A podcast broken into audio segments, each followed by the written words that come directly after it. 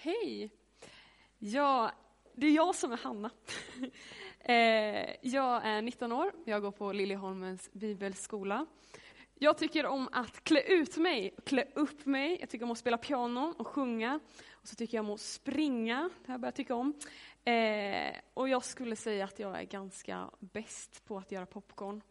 Jag har tre underbara systrar och alldeles för många rosa klänningar. Och det är väl typ det man behöver veta om lilla mig. Men om man skulle vilja veta någonting mer om lilla mig, då skulle jag säga att jag är från Värmland. Det tycker jag om. Jag är från eh, en ö utanför Karlstad som heter Hammarö. Och där är jag uppvuxen i ett hus. När man har ett hus med massa barn i behöver man typ så en gång i veckan kanske städa igenom huset ganska så ordentligt. Det tyckte i alla fall mina föräldrar att man skulle göra. Och då uppstår det några problem. Alltså hur städar man igenom ett hus typ en gång i veckan med massa barn i? Det är ju massa barn i vägen. Det finns en lösning och lösningen hemma hos mig blev att barnen i hushållet, det vill säga mig och mina systrar, vi fick spendera en dag i veckan utomhus. Så spännande. Då såg dagarna ut så här att vi vaknade och så åt vi frukost och sen någon gång på förmiddagen så fick vi gå ut. Och så hängde vi och flängde i trädgården eller något och sen blev det lunch. Och då åt vi inte lunch i köket utan på altanen. Spännande. Och sen så fick vi fortsätta rulla runt i trädgården och kanske sitta på en sten i skogen eller något. Och sen blev det eftermiddag.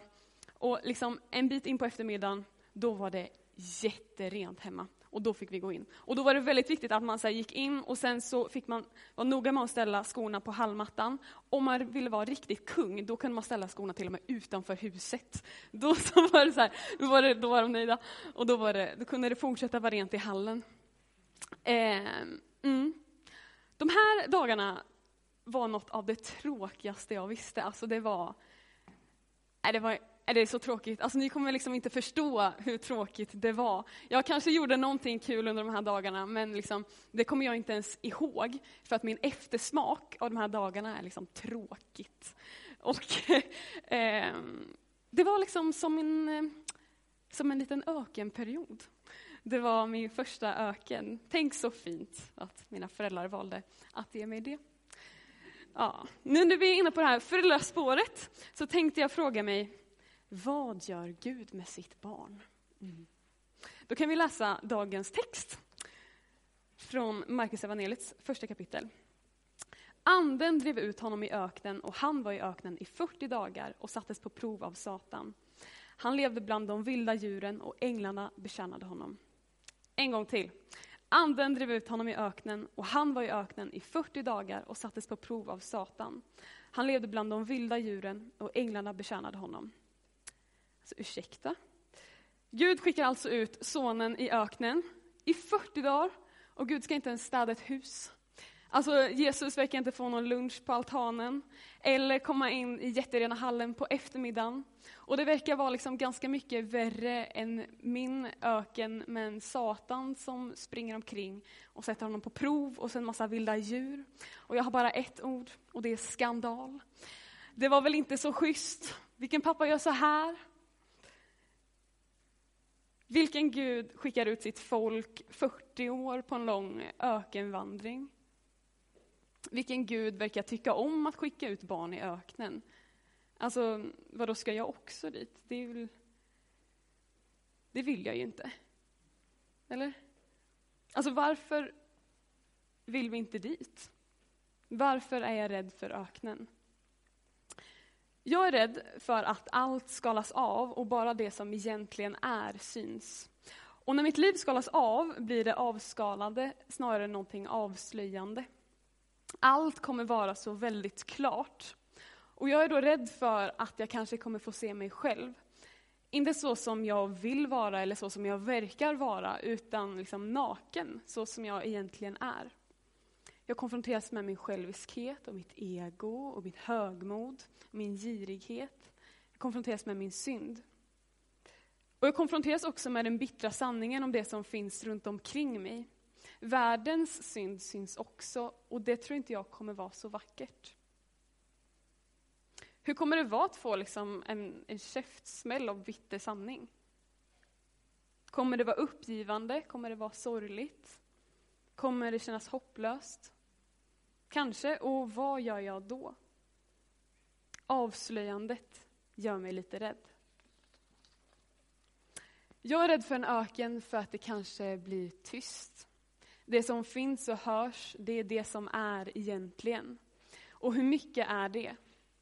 I min värld som är så full av ljud, av liksom tv-serier och poddar och personer som pratar för mycket i matsalen och musik och nyhetsrapporteringar, då är tystnaden faktiskt någonting lite skrämmande. Hur kommer det vara när tystnaden blir öronbedövande? Kommer det vara tomt, ensamt? Kommer jag totalt tappa det? Tystnaden gör mig lite rädd. Jag kanske konfronteras med frestelser, det verkar ju vara en del av öknen, och kanske faller jag. Jag faller nog, och jag faller utan att kunna skylla ifrån mig på att jag inte märkte för att det var så många omständigheter. I öknen händer ju ingenting. Och allt blir då så väldigt klart. Jag är rädd för en öken, för där är det svårt att hitta på ursäkter. Hur kommer det vara när jag faller? Kommer det göra ont? Kommer jag känna skuld? Kommer jag ta mig upp? Att falla gör mig lite rädd. I psalm 31, som också är en av dagens texter, står det Förbarma dig, Herre, jag är i nöd. Mina ögon är skumma av sorgen. Jag är matt till kropp och själ. Mitt liv rinner bort i ängslan och mina år i suckan. I nöden sviker mig kraften och benen mörknar i min kropp.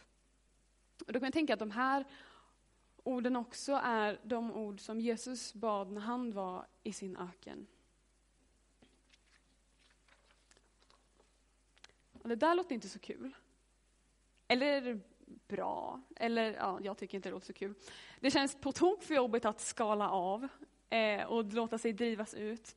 Det är mycket bättre ifall liksom, livet fortsätter rulla på som vanligt. Så här. Jag går till kyrkan, jag går till skolan och jobbet, jag hänger på tonår, jag går hit. Eh, jag har jättemycket kompisar för att, eh, liksom, och vi hänger hela tiden för man kan, inte vara, man kan ju inte vara själv, det går ju inte. Och jag gör så många saker. Jag har så många aktiviteter, jag äter riktigt god mat. Så jag verkligen jag känner njutning, för det är så viktigt att känna njutning. Och jag ska bara köpa det här nya klädesplagget som jag tänkte köpa, för det är så viktigt att känna sig vacker och eh, mm, sen lyssnar jag på den här podden, för det är så viktigt att man gör viktiga saker. Sen kollar jag på den här filmen, måste jag bara göra innan, för att, eh, det är viktigt att få kulturell inspiration. Och jag lyssnar jag lyssnar jättehögt på lovsång när jag är hemma, för att då verkligen känner jag Guds närvaro. Alltså det är lite svårt att känna Guds närvaro utan jättehög musik. Och sen snackar jag med Gud hela tiden. Det kan inte vara tyst där inte, då är det något fel. Och sen bara jag får den här anställningen, bara jag kommer in på den här skolan, bara jag skriver den här låten och känner lyckorus över att våren är här, och läser alla nyheter och kan allt och känner allt och vet allt. Är det viktigt? Eller är det ett jagande efter vind? Och nu, ny tanke. Jag undrar om Gud kanske gör gott när han tar bort.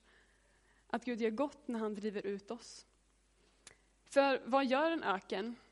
Alltså den verkar göra en hel massa saker, jag är inte helt säker. Men på namnet hörs det att det inte händer sådär jättemycket.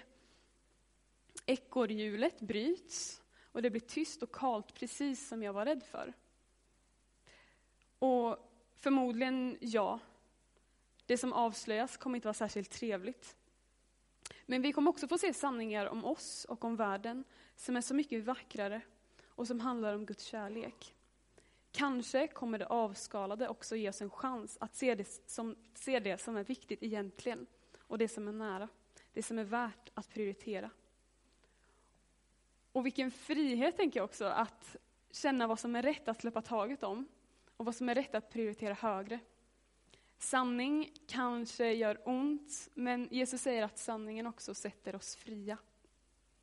Och frukten av det här kanske blir att vi ser klarare.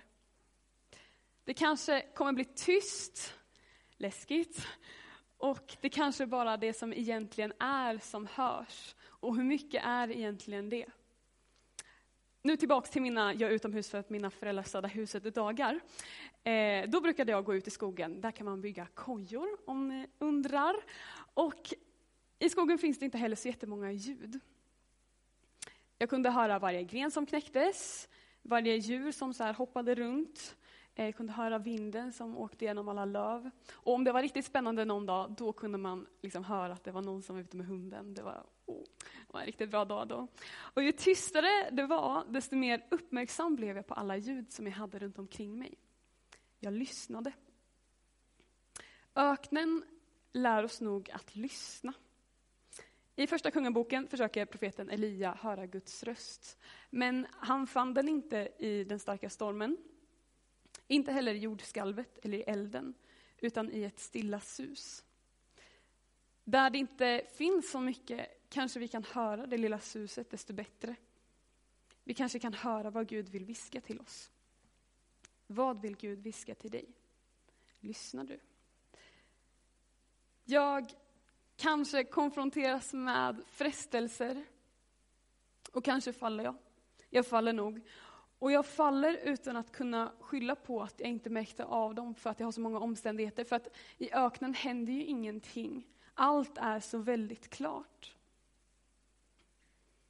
Det finns inga ursäkter, men jag faller på Jesus. Och jag märker att han bär.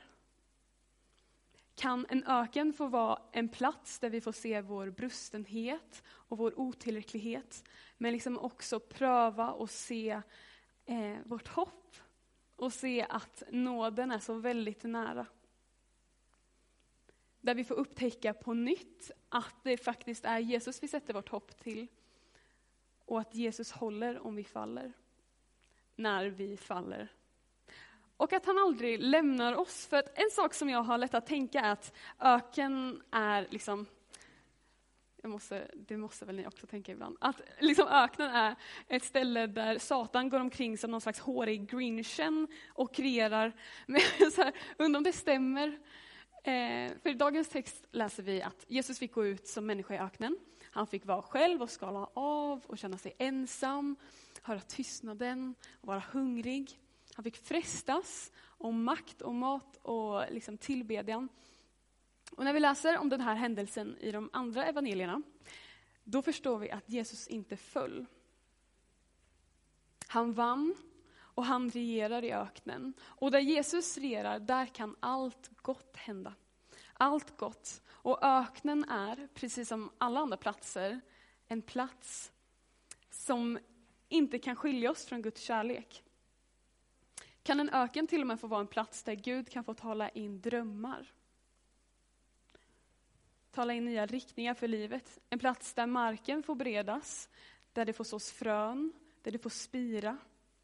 Kan öknen få vara en plats där Gud kan få visa att inga omständigheter kan skilja oss från honom och att han kan skapa var som helst för att han regerar överallt. Under mina, jag utomhus för att mina föräldrar städar huset dagar, då hade jag ju så otroligt tråkigt, om ni kommer ihåg. Eh, men den här tråkigheten kan jag ju i efterhand se har gjort så mycket gott. Framförallt har det nog gjort mig ganska kreativ. Jag tror det är en naturlig konsekvens av att ha tråkigt. Eh, och jag tror faktiskt inte att jag hade haft den kreativiteten om jag inte hade liksom varit ute i den här tråkighetsöknen lite mer än vad jag hade tyckt om. Liksom om jag prompt hade gått in och vägrat att gå ur, jag vet inte om det hade funkat ens, men eh, då tror jag inte att min kreativitet hade sett ut på det sättet som den gör idag. Visst, det kanske inte är så roligt hela tiden att vara ute i en öken, men om vi flyr den hela tiden så missar vi allt gott som den kan ge oss. Vi kan missa att den ger oss klarhet och tålamod att lyssna och mod att falla in i Jesu armar. Och vi missar kanske att den vill ge oss någonting nytt, kanske en dröm. Gud kanske leder dig ut i öknen. Eller så har du hamnat där, hänger där nu. Eller så har du liksom the time of your life och bryr dig inte alls om vad jag säger. Vad vet lilla jag? Men jag tror, trots min rädsla då, att öknar nog är någonting bra. Det är ändå Gud som skickar oss dit. Och jag undrar vad som skulle hända om vi vågar testa att liksom helhjärtat låta anden driva oss ut dit. Och se vad Gud vill göra, mer än att försöka fly den. Jag tror att jag vill säga, och jag tror att Gud också vill säga, alltså äg din öken, kör hårt! Eh, gör det helhjärtat, gör det ärligt. Och jag vill våga tro att Gud gör saker trots att vi är i våra öknar. Kanske till och med för att vi är i dem. Där kan det beredas mark, där kan det sås frön. Och Gud vill nog visa oss att i en öken kan det få växa och spira. Det kan till och med få börja blomma där. Du kan få blomma i en öken. Jag tänkte avsluta med att läsa från Jesaja kapitel 43, vers 18 21. Men glöm det som förut var. Tänk inte på det förgångna. Nu gör jag någonting nytt. Det spirar redan. Märker ni det inte? Jag gör en väg genom öknen, stigar genom ödemarken. Vilda djur, schalakal och struts ska prisa mig för att jag frambringar vatten i öknen, floder i ödemarken, så att mitt folk, det utvalda, får dricka. Det folk som jag har skapat åt mig, de ska sjunga mitt lov. Det spirar redan, märker ni det inte? Jag gör en väg genom öknen, stigar genom ödemarken. Vi ber. Tack Gud för öknar. Jag fattar dem inte riktigt, om jag ska vara helt ärlig så skrämmer de mig lite.